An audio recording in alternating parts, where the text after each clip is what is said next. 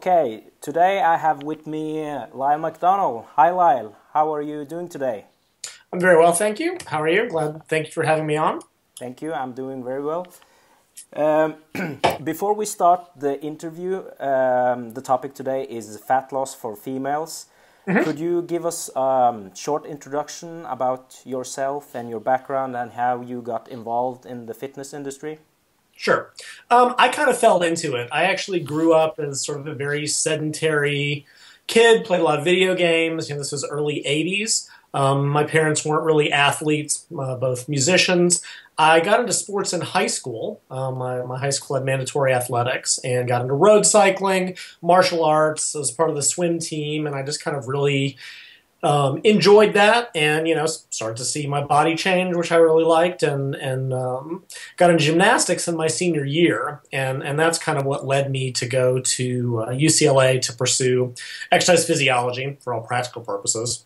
Um, originally i wanted to be a coach and then after knee injury i wanted to do physical therapy. And then uh, about that time i started doing uh, a lot of competing in uh, inline skating rollerblading which you know early 90s was was a very super popular sport.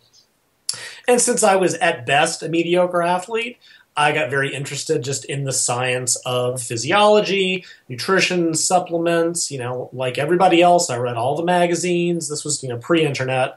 Uh, i saw all the advertisements you know i wanted it to work. And the more I talked to my exercise physiology professor, the more I realized how much of it was a lot of nonsense. So that's about the time I started to really get into, you know, PubMed and Medline and getting into the research stacks and, and, actually reading the original studies. So honestly, most of my interest in this, like so many people, was to make myself better. You know, dietitians frequently overweight, psychologists are usually a little bit crazy. You're trying to fix yourself and you know got a graduated college in 93 i was racing mainly inline skating. That was about the time the internet started. Uh, i was on it from the beginning in 94 through the early 90s with the usenet groups and um, a lot of websites were you know people knew they needed to have websites nobody knew why they just knew that they needed to have one and so some you know places seemed to like my writing, started to either ask me to, to contribute or you know pay me to write articles. That was about the time I wrote my first book, which was uh, The Ketogenic Diet on Low Carbohydrate Diets. Got involved in Dan Duchaine's Body Opus. And I, I, really just honestly fell into it. You know, I just was kind of writing on the internet and people seemed to like it. And I mean, I was training people at the same time, and I just kind of gradually got more into the writing end of things. And since then, you know, my first book, 96, 97, since then I think I've done 12 books on just various topics of, you know, nutrition, fat loss, um, the occasional odd little kind of drug related booklet. Uh, really not my interest, so I haven't done much with that. Um, so really just kind of like a happy set, you know, happy accident. Sports in high school, studied it in college, wanted to be better. You know, I just was lucky enough to turn it into a career. Excellent. And you're currently writing uh, two books? Yes. So the short version of a long story is I started a book about February of last year. Um, someone had actually plagiarized one of my earlier books, and I just got very angry about that and decided that I really should rewrite it. And I decided I should add a section and add a section and add a section, and suddenly it was a whole different book. And you know, one thing I haven't really talked about or written about is kind of general fat loss. There's a lot on my website, but most of my books tend to be very specific topics or specific diets, and, and I've really needed to write something more general, and that's kind of what this book became and I just I pulled a lot from other projects and other books and wrote a lot of new information and wrote a lot about uh, behavior change and adherence, which I really honestly think is I really think that's the key. You know, quick just getting off topic. You know, everybody can lose weight in the short term. Everybody. The long term weight maintenance is really where the issue lays is why can't people sustain it for more than you know a year or two or three? You know we know how to exercise. We know how to set up diets. This is not this is no longer interesting information to me. Why are people so bad at, at maintenance? But regardless so that book kind of was mostly done minus one section that i've been avoiding for about a decade and uh, now i know remember why and that section had to do with women and fat loss, right? I've known for years that women have it more difficult, that often approaches that work for men don't work well. You know, we know empirically a lot of the things to at least roughly do, but I had never really addressed it in detail. And I started that section and was like, well, it shouldn't take me more than a couple of chapters, and then, then it became a section. And then the more I talked about it online, all the women were like, "Oh God, we need this book," right? Because there's there's really not as much information out there, or what is out there is just nonsensical. You know, there's there's so much stuff targeted women. It's it's true for men, but I think proportionally there's more good training and diet advice for men. And women women are frequently just treated like little men in all areas of medicine, physiology, psychology, you know, you name it. And there's reasons for that. Um, women are much more difficult to research. A lot of it, I think, was just sexist bias. You know, male researchers study men and just figured, well, we'll just treat women like smaller versions. And it's abundantly clear now that that is simply not the case.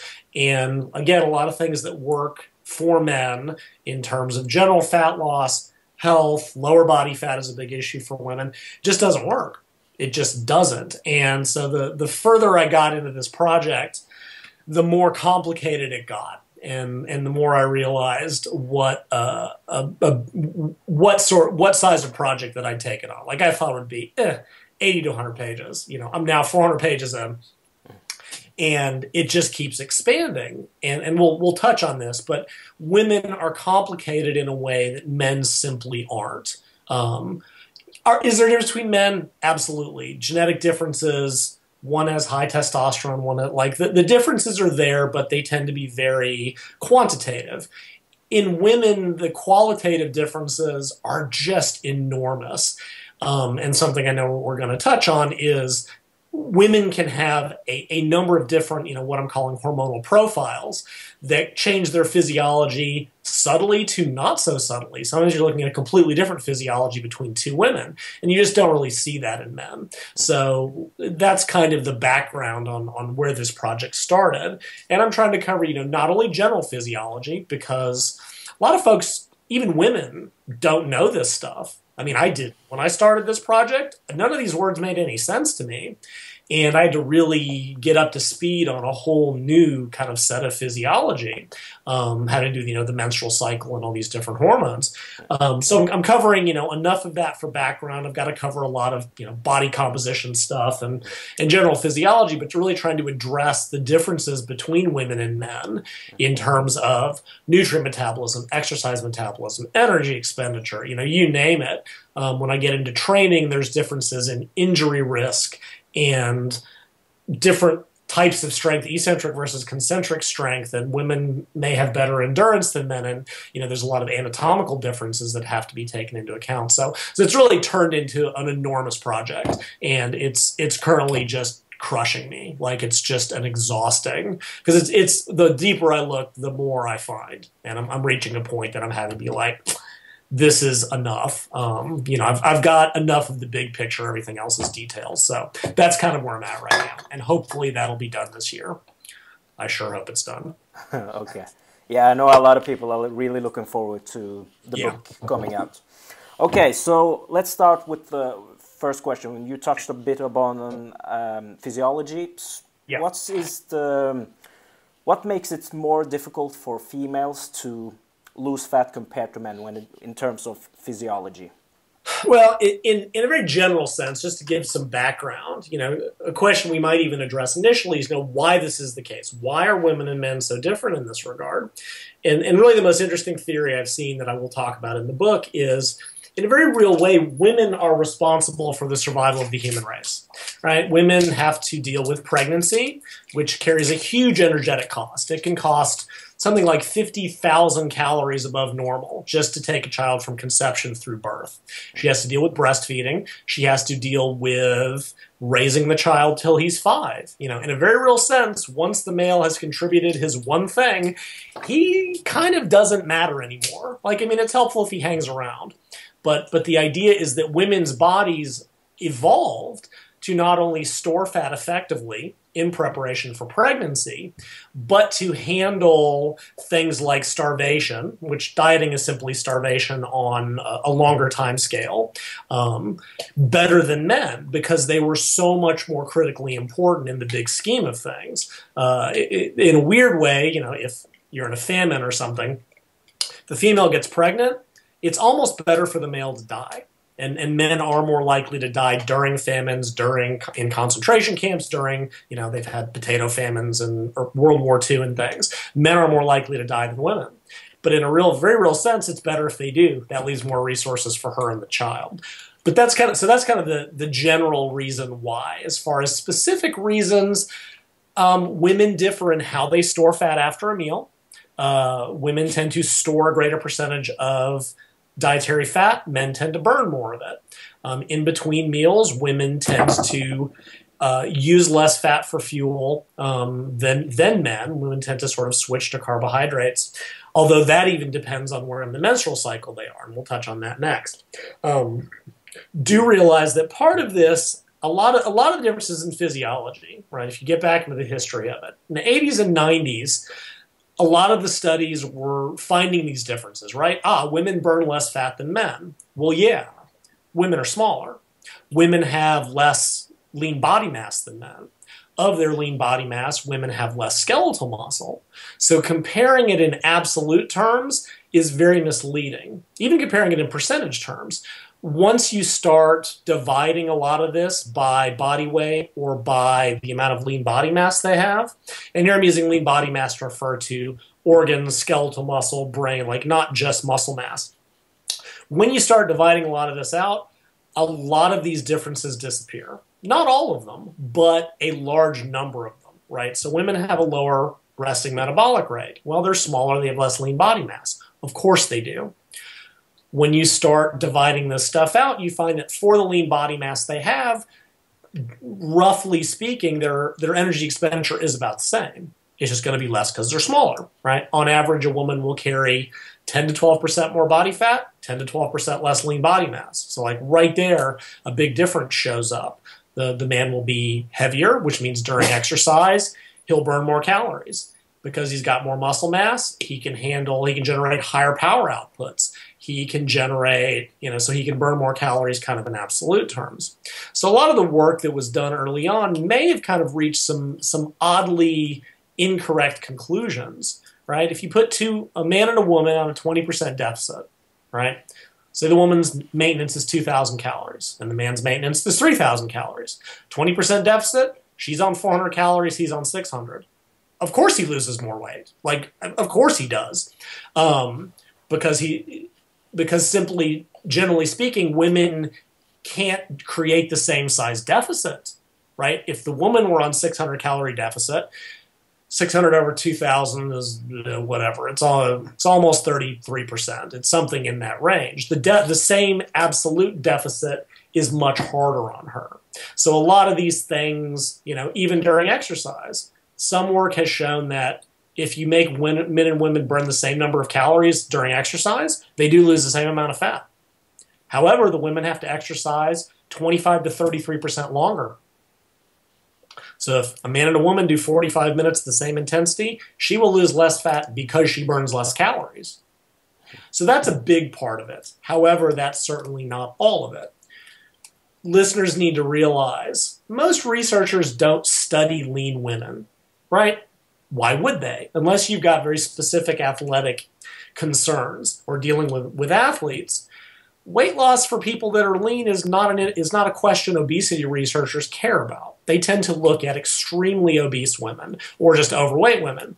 That's a very different population, right? If you're dealing with a woman at 40% body fat who may be 250 to 300 pounds, that's very different than a 140 pound female athlete at 22% trying to get to the teens or you know trying to get contest lean or 10 to 12 percent you know for, for endurance performance. So i think a lot a lot of the studies tend to be be in a population that i don't know is generally applicable.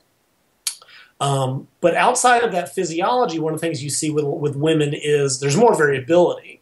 Their bodies in many ways adapt they adapt better to uh, imbalances in or perturbations in energy homeostasis. That's the technical version of it.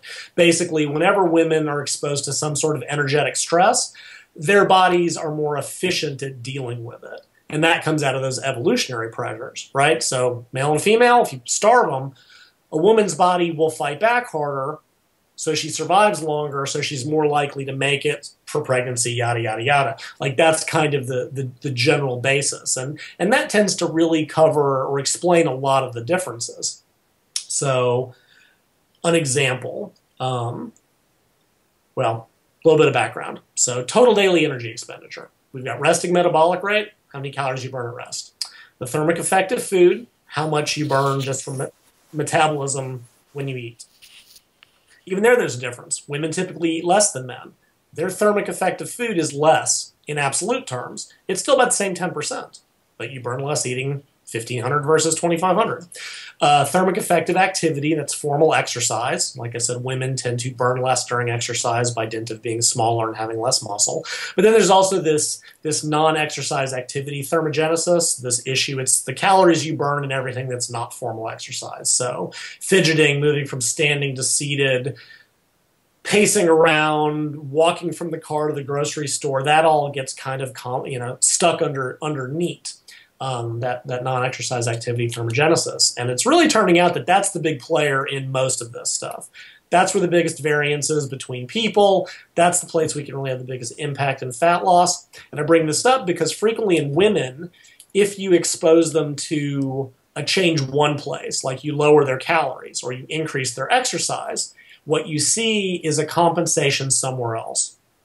So, in one of the earlier studies, they took men and women and they put them both on I don't know, it's like a 40 week bicycle training program, whatever it was. And the men, in response to the, the calories burned from exercise, their total daily energy expenditure went up. Right? So the, the calories they burn during exercise added to what they'd normally be burning. In the women, it didn't have as much of an effect. Well, that means that somewhere else, and probably in NEAT, she had to compensate more, right? Her body sensed that energetic stress from exercise, decreased NEAT later in the day that's really where a lot of these big differences show up is women show the, these differences and how uh, strongly and frequently how quickly they adapt. And i know one of your later questions which we can sort of come full circle was you know what differences practically does this make in terms of refeeds and diet breaks and things of that nature? But women's bodies are very much responding more quickly than men. Um, here's another uh, bit of trivia. So listeners may be familiar with the hormone leptin. Short version, leptin, released primarily from fat cells, tells the brain how much fat you have and how many calories you're eating. The drop in leptin with dieting, big part of the signal to make you hungrier, slow energy expenditure, all the adaptations. So if you have women, men and women exercise and then feed them enough to, to, to offset that, right? There's still a calorie balance. Men's leptin doesn't change. Women's leptin does. Their leptin still drops, even if they're eating enough women's leptin drops more over a week of dieting than a man's. Her levels, her, her entire system is responding more strongly and more quickly than a male's is. Now, again, in that obese population, these adaptations aren't as big of a deal, right? A woman with 40% body fat is not at risk of starving to death. She's got plenty of fat stored if she gets pregnant. In a sense, the body couldn't care right? If you've ever obese people, as much you know, we usually think of ah, they have a harder time. Actually, it's the opposite. Generally speaking, if you can put them on a basic program, they lose more weight and fat. They're heavier. They have more fat to lose. As people get leaner, men and women, the body fights back harder. And once you get into, I hate to use the word natural, but you know, a more just a lower body fat percentage range. If you're looking at women between, say, you know, 19 and 24% body fat, which is lean without being super lean, that's where the stuff really starts to happen. That's when the body, you know, for men, the equivalent is about 12 to 15%, somewhere in there. And, you know, most guys can get to 15, 13, 14, 15%, no sweat. Now they try to get to single digits, and that is a pain in the ass. For women, it's the same sort of thing. When you're a lot heavier, it's not that big of a deal. In the middle range, it starts to become a little more prevalent. And as you get really lean, the body is just like, okay, we're starving to death. We don't have enough fat to carry pregnancy. And that's when women's bodies shut down. And when that happens, you see decreases in thyroid hormone, decreases in energy expenditure. They burn less calories during exercise. You burn less, you, you tend to move around less. I mean, this happens in both men and women, but women's bodies overall tend to respond differently. Um, another example that comes up in a lot of the chapters and, and literature that's written about this women's bodies respond differently to heat and cold stress, right? Men will start to sweat sooner and will start to shiver later, right? Women's bodies sort of respond very differently. Anytime you sort of uh, impact on their energy balance, their bodies tend to really fight to maintain homeostasis a lot harder. Another example is some early studies on exercise showed that women lost no weight while men did. Now, what it turns out to be is that there's more variability in one of the classic studies, right? So here's the zero line. I hope people can see this. About half the women lost, but half the women gained because they got hungry and ate. The diets weren't controlled. All the men lost. So on when you average it out, the men lost weight. The study said, "Oh, the men, the women didn't lose any." Well, that's not true. Some women lost quite a bit, but some women didn't. Women's systems are more variable in this regards and how hard they fight back. But generally speaking, exercise for women doesn't work very well unless they control their diet because their body tends to ramp up hunger to try to offset that. Their bodies may start to decrease that, that non exercise activity thermogenesis more effectively, which means that you can burn all the calories you want in the morning. You can go bust your butt and do 600 calories of exercise. But if your body makes you burn 400 less later in the day because it's it's adapting to that, well, guess what? You burn 200 calories total, or you know, than you would have women's bodies do that to a greater degree. So, like I said, men, eh, just tell them to exercise, and they will, and they'll lose weight because their bodies don't. Women have to be far more have to be more detail oriented in terms of paying attention to their diet, paying attention to these other components that that tends to adapt more quickly. So that that really, to me, you know, on top of the differences in fat storage and, and the differences in fat metabolism, and there's some other issues going on that get into a lot of details that are in the book. But the big end of it for me is is that women's bodies are fighting back harder and sooner. And that alone will tend to to slow fat loss as much, you know, and, and, the body's trying to just keep you alive, number one, and keep her fertile and, and able to maintain pregnancy or, or fertility. Wow, excellent. Just a follow up question. What mm-hmm. about uh, what about males that have females' fat patterns? Will they also have issues like the females or? Um, not. It's a good question. It's, I actually wrote a really detailed article about this on my website. That'll probably probably be, be a little bit easier. And and in general, I would say probably not. You know, there women have there's a lot going on in terms of what sort of dictates male and female physiology. One is genetics, right? Women have XX chromosomes, men have XY. We're starting from a different genetic place. There's a lot of programming that occurs uh, during fetal development, depending on hormonal exposure. So, if you expose a female to more testosterone, it masculinizes her brain. It can give her different bone structure. It can do things to her biology. Similarly, a male that has less androgen exposure may have a more feminized brain. Different, you know, I, I don't know if you've done anything on and looked at, you know, the two to the, the finger digit ratio. Yeah. That's indicative of, of all of that and correlates very well with a number of different things once you get out of it, you know, really the big differences in men and women. Um, if you look at young, like uh, pre-puberty, pre-puberty males and females, the physiology is not that different. Women carry a little bit more body fat there's a, there's some minor differences. The biggies really show up at puberty, which is where men's testosterone levels go through the ceiling, women's estrogen and progesterone levels, which are their primary reproductive hormones, start their menstrual cycle, and that's really where you see the changes in body type. Men grow muscle, women grow less muscle and more fat. Differences in bone growth, behavioral stuff. You know, that's when men, little boys, turn into macho idiots. That's when women's behavior changes very significantly. Um, So I mean, it, it's it you know men that have more lower body fat patterning have some aspect of women's physiology. I don't know that that it's been looked at. You know, are their brains? brains are really where most of this is happening, right? All these signals from the body leptin from the fat cells, ghrelin from the stomach, you know, insulin, blood sugar. There's all these signals that go into the brain of the hypothalamus. I don't know offhand if a male that, that has that fat pattern has a more feminized brain in terms of how it will respond. They do have the same fat loss problems, absolutely. They, they have those same. So so that I'm going to say maybe. I, I, don't really have a good answer for that. Um, you know, and it, even with all of this, you can find males that get lean no problem right? Their bodies just don't fight back. One of the things that shows up in all the studies that look at changes in metabolic rate, changes in all of this, the variability is huge, right? So on average, someone's metabolic rate may drop by 250 calories. Some people, it's about 50. Other people, it's 500. Some people are objectively more screwed than others. Genetics, biology, it's just the luck of the draw. So and I think that's even part of the problem. There are women that get away with very damaging approaches to dieting and training when they get very lean. Doesn't hit them as hard. And men do it too, and I think that gives the normal person a really skewed idea of what's realistic or how they should approach it. Um, in general, I think you know women do have to approach things a little bit differently and more carefully than men. They have to do some slightly different things with with their exercise, with their training, you know, I, I, would say at least some of the reason women have more trouble losing fat, you know, and now we're talking about general population, right? In the physique group, bodybuilding, fitness, figure, that stuff, they're doing what those groups have always done. They're doing a lot of resistance training, they're keeping their protein high.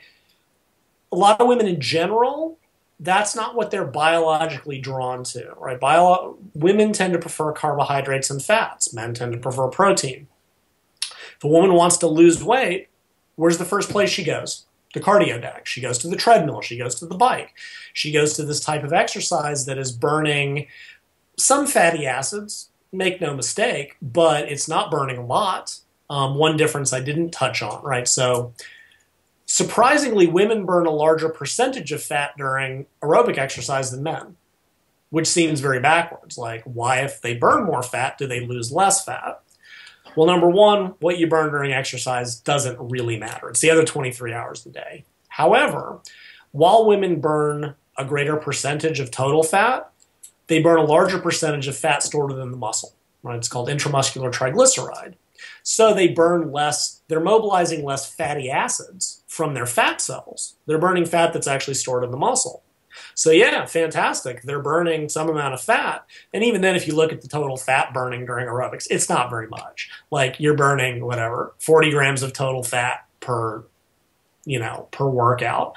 Well, that's fantastic. And if 20 of those are actually getting pulled out of your fat cells, well, the average a pound of fat has 450 grams of fat. So, you know, do the math. You're looking at 23 workouts, you know, so to burn, and, and again, what's going on the rest of the day is really what's more important. But you get women, they go do nothing but low intensity exercise. They're not getting enough protein uh, resistance training because of what it does metabolically and I think in terms of fuel use in the body by depleting muscle glycogen. Like women that have done that, as soon as you get them to raise protein, lower carbs, and weight train, it's magic. Like it's it's you can see this online all the time. Every woman that that reports finally getting some heavyweight training and changing their diet, it's it's magic. Like the difference is profound. And I think even there's part of it. Men are biologically prone to doing some of the right things. When a man wants to lose weight, what does he do? Eats all the protein and goes to the weight room. He's almost like biologically drawn to what more women should do. So I think even that's part, I mean, not the biology is clearly a big part of it.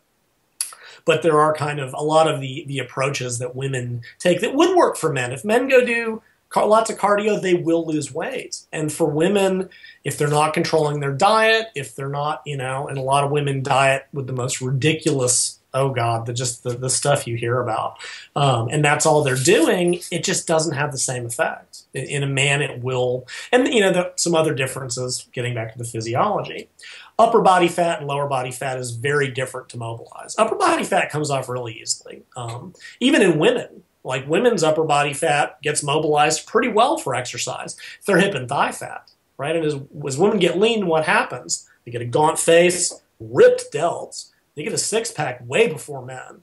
Pisses men off. Mm-hmm. Men have lean legs and, and a fat tummy and want a six pack. Women have a six pack and fat legs and want to look like the man.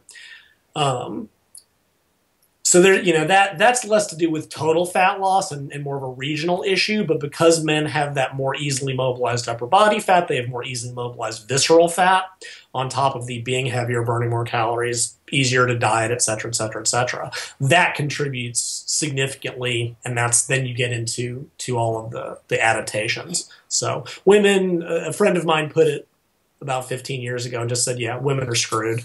And I think that kind of sums it up to I mean, th- there are ways to get around a lot of this. And, and I wouldn't be writing this book to just go, hey, you're out of luck. Um, I, you know, I'm going to propose a lot of um, recommendations and, you know, and, and fixes to, to try to at least, you know, you can't change it, but you can work around it and at least address it. So. Okay. So let's look at some of the other issues could you yeah. could you explain how birth control pills and the menstrual cycle can affect fat loss for females? Sure. Yeah, let, let, me talk about the, the, the menstrual cycle first, because to me, like really when you get down to the, the basis of it, right? A, a, woman's, if you look at a woman's skeletal muscle under a microscope, it looks just like man's. If you look at her liver, it looks just like man's. If you look at her, you know, most of that is pretty much the same as far as the tissues. When you really see the first big difference is, like I said, is, is that when puberty hits. That's when men's testosterone goes up, and that's when women start their menstrual cycle. So, so really, that's the sort of the basis of all of this because it's these reproductive hormones that are, are really having the biggest difference, right? Men produce some estrogen and progesterone, which are the primary female hormones. Women produce testosterone and other androgens. Each sex has all of these hormones but in drastically different levels. Men typically have 10 to 30 times more testosterone than women, but they have significantly less estrogen and progesterone. Women, it's the you know very low levels of testosterone. It's just it's not their primary reproductive hormone, with a couple of exceptions that, that I'll come to. In any event, the menstrual cycle. The menstrual cycle represents the roughly 28 day phase, and it's actually not 28 in most women, from one menstruation from when they start bleeding to the next. And this is just it's this this site and it's divided in half by ovulation. That's when the egg is released in, in preparation for pregnancy. So the two big reproductive hormones are estrogen, which I imagine most listeners know of, and then progesterone, which is the I mean there's other little ones that those these are the, the two key players. There's different kinds of estrogens. The main one in premenopausal women is estradiol. So that's the only one I'm really gonna gonna when I say estrogen, I mean that. So the, the cycle kind of looks and, and listeners will you can go online and just Google menstrual cycle and it'll it'll show what this looks like. So just imagine a graph with a line in the middle at day 14. Right? So estrogen starts low right at menstruation, kind of sweeps up, it's a big spike right before ovulation, drops, and then comes up and back down. Progesterone starts very low at ovulation, it goes up, peaks, and then comes back down, and that last week is typically, you know, called that's the premenstrual week. Uh, that's when, if women are going to have premenstrual syndrome or, you know, I think it's called premenstrual tension in the UK, and and and that is going to be that fourth week. So the, there's these two phases. The first two weeks are called the follicular phase. Estrogen is dominant. That's when the follicle, the egg, is developing. That's where the name comes from. Ovulation. The second phase is called the luteal phase. That's because once the egg implants, it produces something called the corpus, corpus luteum, which produces hormones. Like I said, this is all geared towards pregnancy. Estrogen is dominant in the first half of the cycle. Progesterone is dominant in the second half of the cycle. Testosterone also stays pretty low, little blip at ovulation, and then comes back down. Now, most people think that estrogen is the bad guy. Look anywhere online, and estrogen is blamed for every part of women's issues. Make no mistake, it plays a role in all of this. But if estrogen does anything, it's beneficial. Estrogen decreases appetite. It increases fat burning enzymes in skeletal muscle. Um, when women go through menopause, which is what happens when they're older and they're, you know, if they don't go on estrogen, their body fat goes up, their body fat patterning changes, their appetite goes up, they burn less fat. Estrogen is in the in the aggregate a positive hormone. Estrogen increases insulin sensitivity. Estrogen actually helps with skeletal muscle remodeling. And there's a significant amount of research that women respond better to training during the first half of their cycle in terms of their ability to adapt, get stronger, grow bigger muscles. Progesterone is really the nasty hormone. That's really the one that causes the problems, right? So as you go into the luteal phase, that's when hunger and cravings go up. Now, interestingly, metabolic rate goes up a little bit. It's about 5 to 7%. It's about 100 to 300 calories a day. And that, that is actually due to progesterone. But food intake often goes up by 500 calories a day. That's when women crave sugar and sweets and carbohydrate and all that kind of stuff. Um, you know, in America, women, you know, that's when they get chocolate cravings. Actually, a cultural thing, believe it or not. In Spain, they crave something else that's I forget what it is. Chocolate is a very American thing, but progesterone like directly activates this this uh, enzyme in fat cells called acylation stimulating protein and I mean progesterone is really the nasty nasty hormone. Estrogen overall does good. Progesterone causes slight insulin resistance. Progesterone can actually bind to the androgen receptor, the receptor that the testosterone binds to, but progesterone blocks it right? Progesterone decreases muscular protein synthesis, increases protein breakdown, makes it more difficult to adapt to training. So the follicular phase when estrogen is dominant, like that, that's when good stuff happens. The luteal phase when progesterone is dominant, not so much. Um, and, and I mean, even there you can see there's a complete change in her physiology, right? A man, if you plot a man's hormones, it looks like that. Every day out of the month, testosterone is here, you know, whatever. Fine, I'm sure there's little changes. In the big scheme, it's a flat line. Every day, he's the same. Women, every week, it's almost you know I divide it into the two the two week blocks, but every every two like the follicular phase and the luteal phase, she's essentially a different physiology. Um, I've seen it in the gym, you know, in terms of strength. Some women, no differences flatline. Other women, oh God, can go from, generally speaking, they'll be very strong after they start menstruating, a little weaker in the second half of the follicular phase. They get a little boost in strength because of the testosterone in the early luteal phase. And during that premenstrual week, that late luteal phase, oh, it's awful. I mean, talk talk to women. They can't lift. They their coordination goes out. They they get uh, they lose their words. I mean, they, like literally, their brains fall out of their head. And I don't mean that in a negative way. Like, I'm not saying this to be critical. This is simply the physiology. And there are certain things that, you know, if you're training a female athlete, trying to do heavy, high coordination work in that week, good luck. Her mood may be very uh, the, the nice term is labile, which just means that she's going to be crazier than usual. And maybe that is a little bit critical. But you get women that are emotional. You get women that just break down. Um, a therapist I knew, I talked with him about this, and he goes, "Oh yeah, oh God, every I, I wonder like who's coming in this week." It's like okay, you're crying within the first two minutes. That's how it's going to be. Like you may be dealing with a completely different athlete. Um, unfortunately, women more so than men, much more variability. Right? If you've got a guy and you know that he's strong every week, he's strong every week. Two women can have a completely different response. And, and PMS, I'm going to keep coming back to that, that last week of the cycle. Some women, doesn't bother them. Other women can't get out of bed.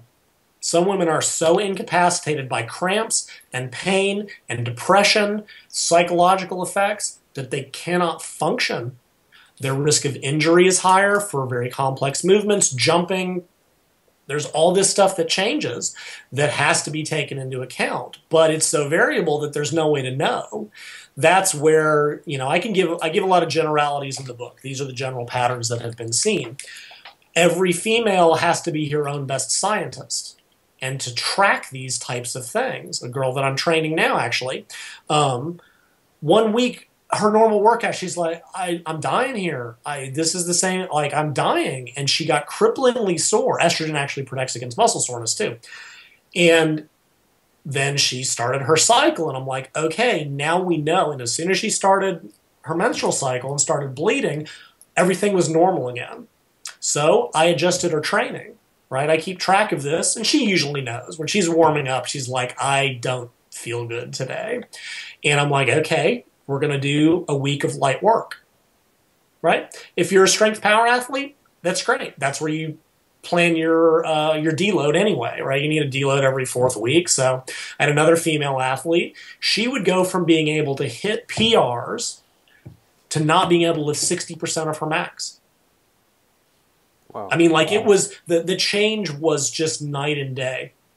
Her coordination would go down, like even a basic power clean. So finally, when it dawned on me to do this, I just had her do high rep machine work for a week, right? Just to get her in the gym and get her moving. Like I kept it simple, I kept it easy, I kept it light. You know, bodybuilders I think see less of an issue because they tend to work with less maximal loads, right? If you're lifting at 70%, if your strength drops 10%, you know, you can grind it out. You're, you're at 80% now, it's a little bit harder. If you're an Olympic lifter trying to do repeat singles at 90% or a power lifter and your strength is down 10%, well, guess what? You're at max today.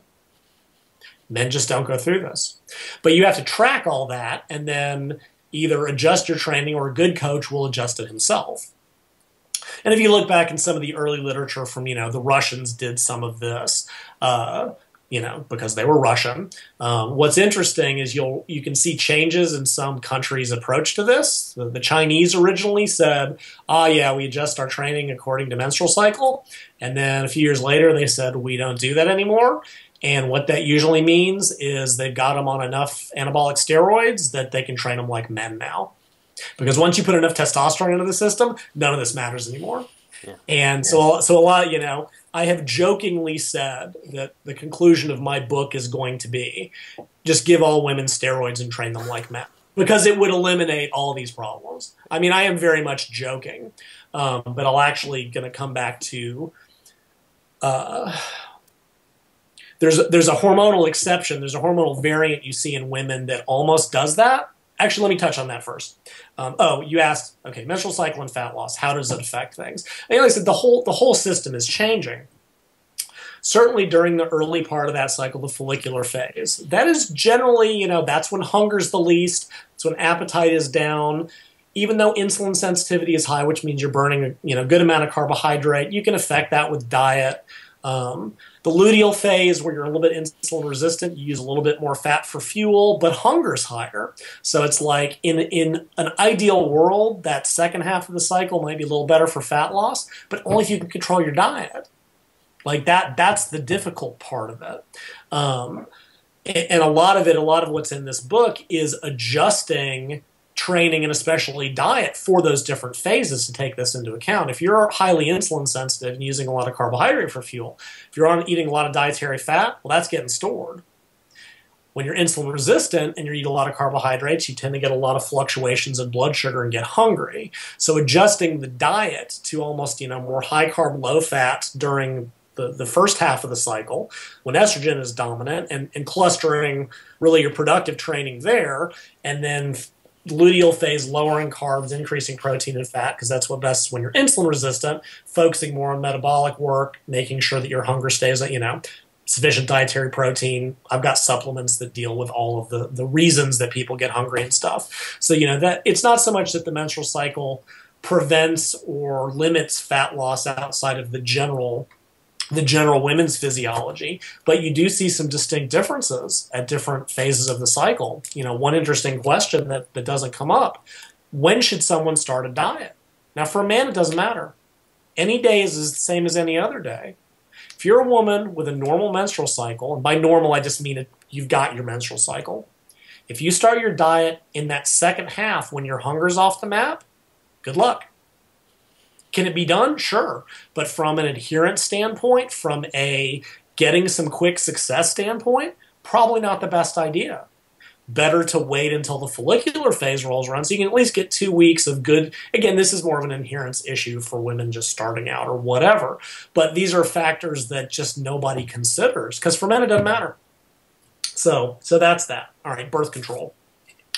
Birth control is a nightmare in the sense of the different the number of different kinds is enormous. Okay, there are the pill, which is the original form, typically taken three weeks on, one week off, except for the ones that are taken 24 days and four days off. You've got the patch, taken once a week, put on once a week for three weeks and then off one. You've got an implant that goes in the arm. You've got the shot, the depot shot. You've got an intrauterine ring that you use weekly, and you've got a cervical ring that stays up there for about five years. Okay, these are all different in terms of some go through the mouth through the liver, some are internal, some are shot. All birth control uses essentially the same synthetic form of estrogen. It's called ethinyl estradiol. However, the progestin, the synthetic progesterone, there are at least eight different kinds, all of which are slightly different from one another, divided up into four generations. From the first, which is what in the 70s, second, third, fourth each of the progestins affects things like insulin sensitivity a little bit differently, hunger, energy expenditure. Some of them block the androgen receptor, some of them don't. Some of them it depends on dose. So, like the number of possibilities. Oh, yeah. Then with the pill, you've got what's called monophasic birth control. Same levels of both hormones all month or all three weeks. Di- biphasic or diphasic, where progesterone goes up once Triphasic, where it goes up twice, which is more like the normal menstrual cycle. Quadriphasic is a brand new one, goes up four times. So birth control is just an absolute god awful nightmare. However, there are some generalities, right? Birth control is probably blamed more for weight loss than just about anything women, or sorry, weight gain than anything women do. And certainly the early birth control was really nasty. It was extremely high dose. It was very, I mean, we're talking the early 70s before most of your listeners were probably born. They used to give, for example, 150 micrograms of synthetic estrogen. Now they use about 20.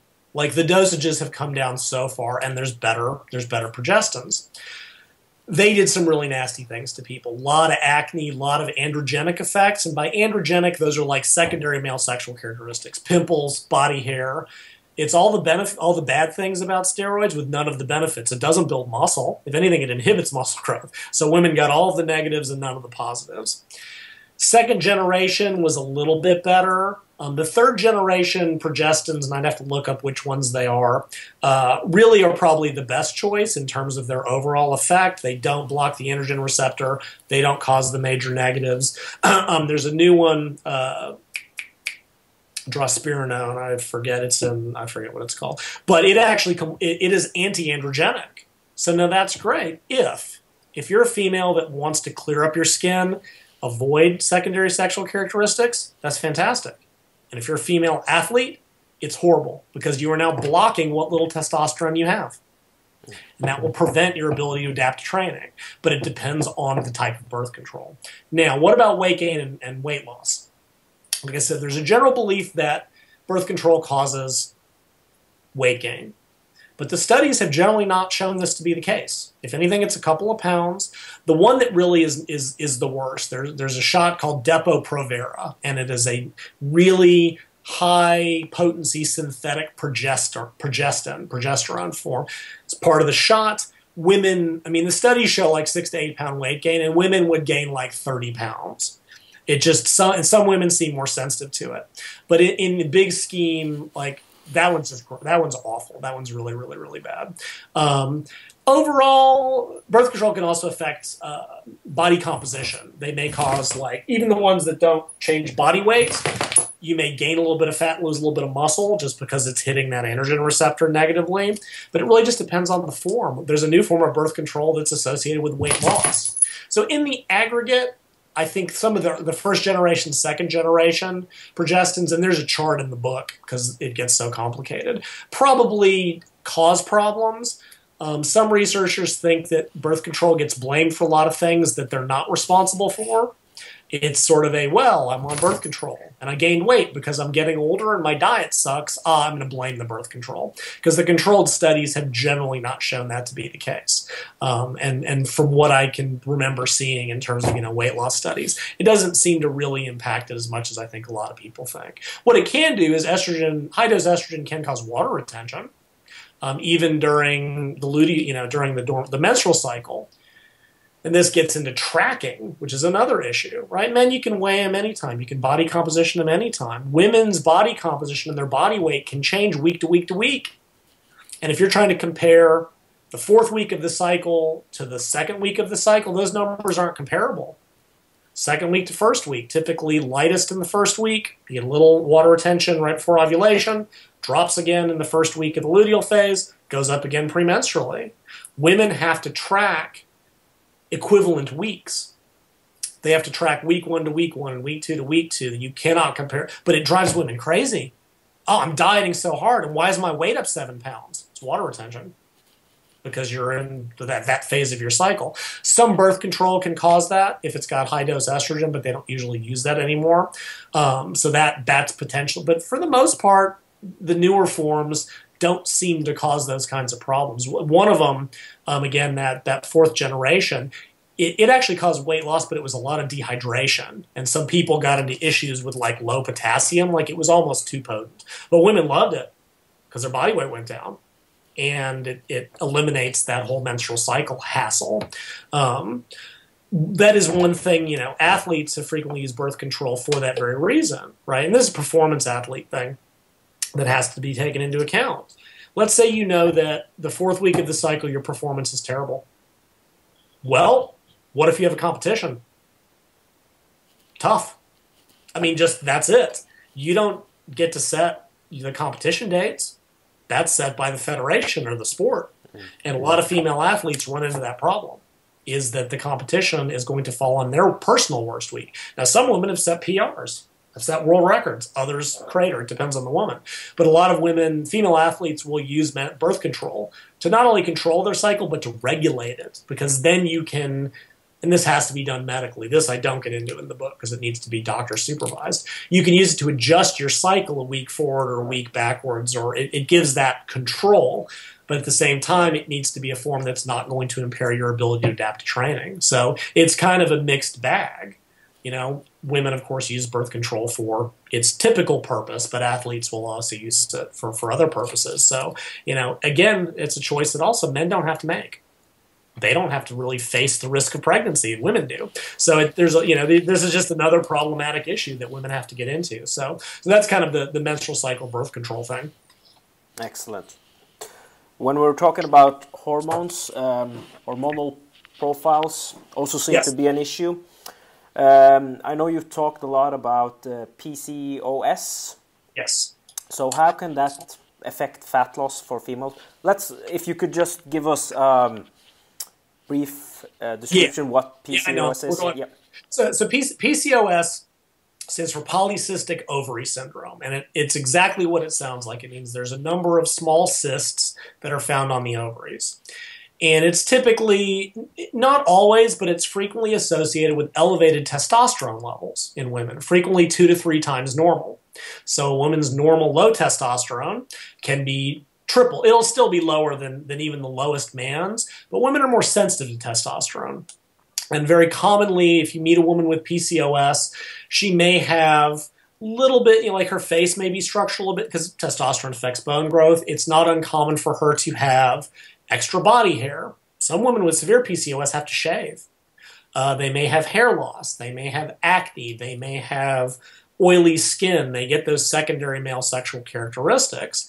It's also very so highly associated with obesity um, and insulin resistance. Testosterone in women causes insulin resistance, and all of this ties into like this whole big problem. It also can typically cause infertility. Women with PCOS typically have a lengthened cycle, like normal cycles between like 22 and 34 days. PCOS is usually 35 days and up because that, that elevated testosterone is just wonking, is messing up the entire system. Now, from a fat loss, like I said, it is associated with obesity, but it's the question is kind of what's driving what. Um, insulin resistance in the modern environment, tends to be problematic. Uh, there's a lot of different thing, you know, they're, they're still even now looking into, you know, some of the mechanisms behind this. I've worked with some PCOS women, and I'll be honest with you, in a way they they almost have an easier like they, women also PCOS women tend to have a more male body fat pattern. You'll see that much more central abdominal visceral fat pattern.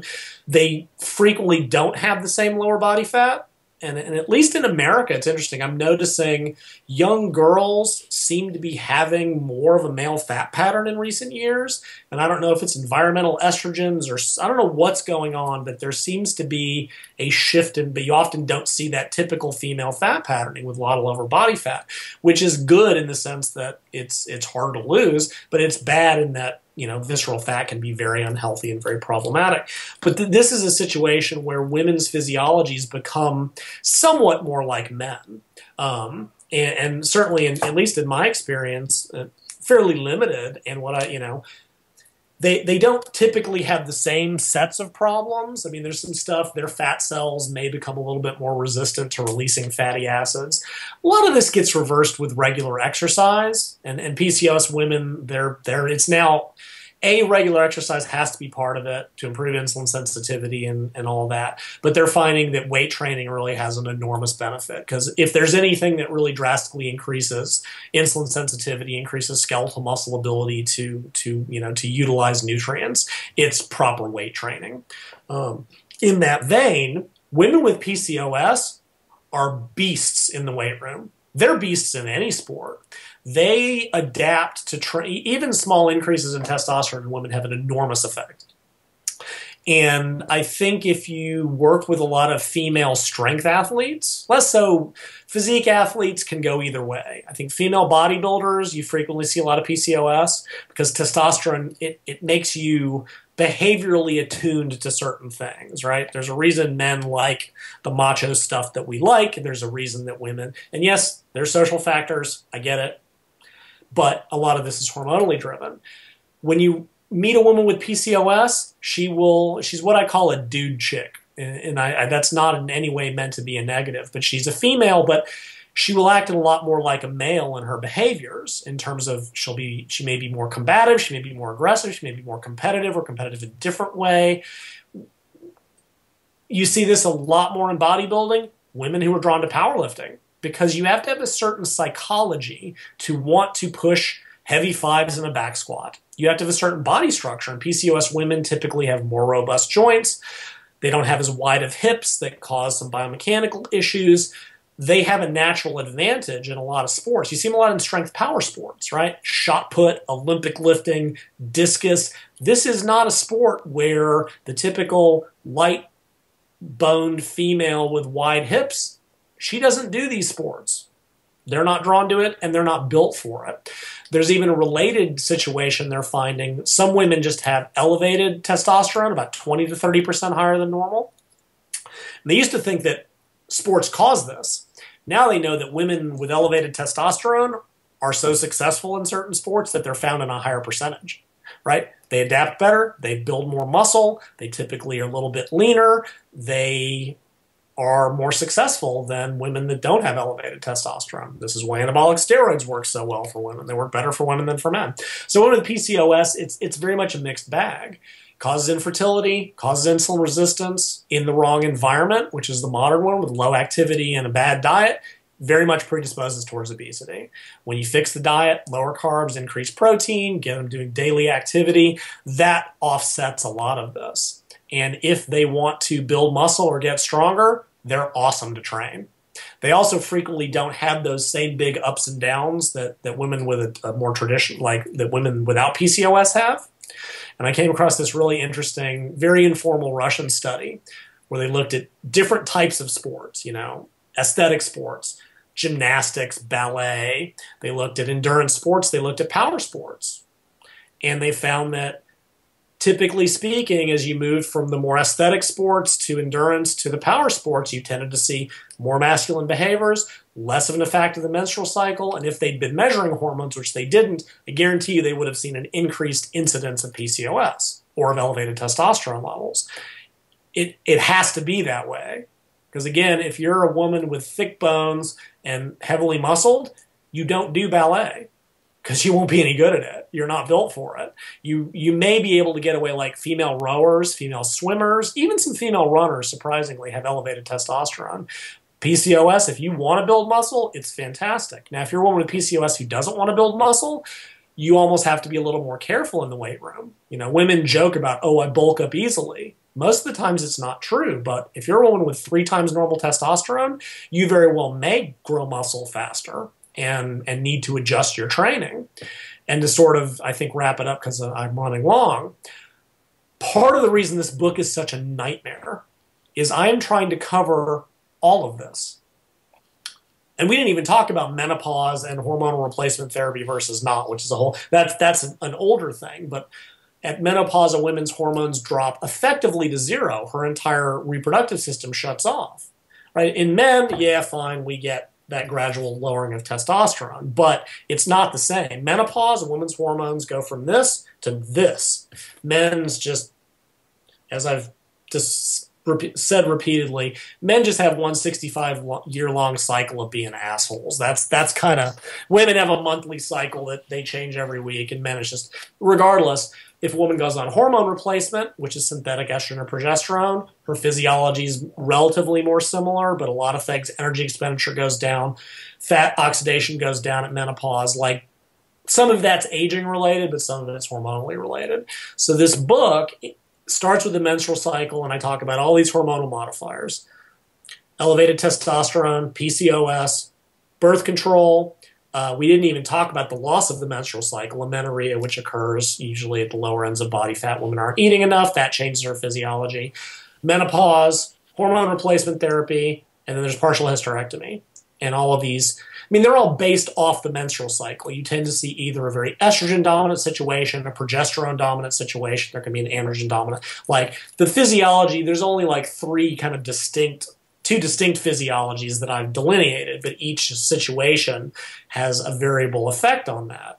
You frequently see different goals. A premenopausal or you know young girl who just wants to be fit is not a female athlete trying to hit 10% body fat. A woman with pcos who wants to just have children isn't the same as a pcos woman who wants to be a power lifter. Like and there, there's a there's so much variability in this. Um, and then you get into menopause where there's a lot of masters female athletes. Some women in menopause you have to worry about bone density loss. You have to worry about you know increased risk of heart disease versus breast cancer versus all these other variables. Like I said, men just don't face any of this. So it, trying to cover all of this comprehensively has turned into, as you can imagine, an absolute nightmare. Yeah, really looking forward to the book coming out, especially with all the topics you've already mentioned and all the other yeah. stuff. So let's let's uh, round it up with the with the last question. Mm-hmm. Like you said, females seem to adapt quicker to calorie deficits and, and dieting. Yes. So, is there something they should do different in regards to high days, low days, refeeds, and diet breaks compared I actually, to men? It, yeah, I, got this was months ago as I got into this, and I actually there, has been some interesting studies that gave me some convenient data points looking at how women's hormones adapt how often, how long the refeeds need to be to kind of reset that that situation. And I've actually got some really good kind of mathed out data. And yeah, actually, as contradictory as this sounds, I do think women probably need do need these more frequently, just because their systems do fight back harder. Um, whether it's you know alternating higher and lower days, there's a new approach called intermittent caloric restriction that that it's based in weight loss, but I think it has a lot of application for athletes. Right, when women are dieting, when anyone's dieting, maintaining training intensity is really hard when you're on a constant diet. You get hungry, it sucks. Your hormones adapt. If you're alternating higher calorie training, heavy weight training, lower calorie cardio like this, it tends to offset some of the hormonal adaptations. Um, if that doesn't fit your schedule, some people don't like it for whatever reason. Doing, you know, a one or two day refeed um, better, you know, sort of a cyclical diet. Uh, programming in diet breaks a little bit more frequently, probably uh, a good thing. And I and, and, a lot of this is also based on body fat percentage. You know, I talked about the higher body fat percentages, the body doesn't fight back as hard. At the lower, the, the numbers change a lot based on that body fat percentage. It also changes a lot based on how much of a deficit you're trying to create because the leptin levels will drop kind of in proportion to how big of a deficit you're on. So if you're using a very moderate deficit, 10, 15, 20%, you don't need to refeed as often because your hormones are coming down very gradually. If you want to use a big deficit like this, like my Ultimate Diet 2 or something, you have to refeed far more frequently. Um, of some interest, you know, Eric Helms, who your listeners, you may, I know you said you know him, good guy. I'm really impressed with with the stuff he and, and his group is doing. Um, he's contributing some sections on the book to Peak Week and, and making weight for, for weight class athletes. But he's giving me a lot of really excellent feedback. And what he's he's been training, worked with a lot of female physique athletes. One thing they do is start very early. They may start six months out from a contest so that he can diet them down gradually enough that their bodies don't fight back as hard. Right? It's another thing women do, all dieters do. I want to lose weight. I'm going to cut calories and do two hours of aerobics. And women's systems shut down. And as a scary data point, woman does the wrong things in terms of aerobic activity and calorie levels, she can shut down her menstrual not I mean it won't she won't lose her menstrual cycle, but the hormones involved in regulating it will start to crash. And her levels of thyroid hormones within 1 week, which means her energy expenditure will go down, which means she is already getting into a hole. And there's actually some really good numbers on this over where that threshold is something they call energy availability, which is how many calories you're eating versus how many calories you're exercising. That's how many calories the body, excuse me, has available for other processes, right? It has to keep the heart beating, it has to keep your brain working, it has to thermoregulate you.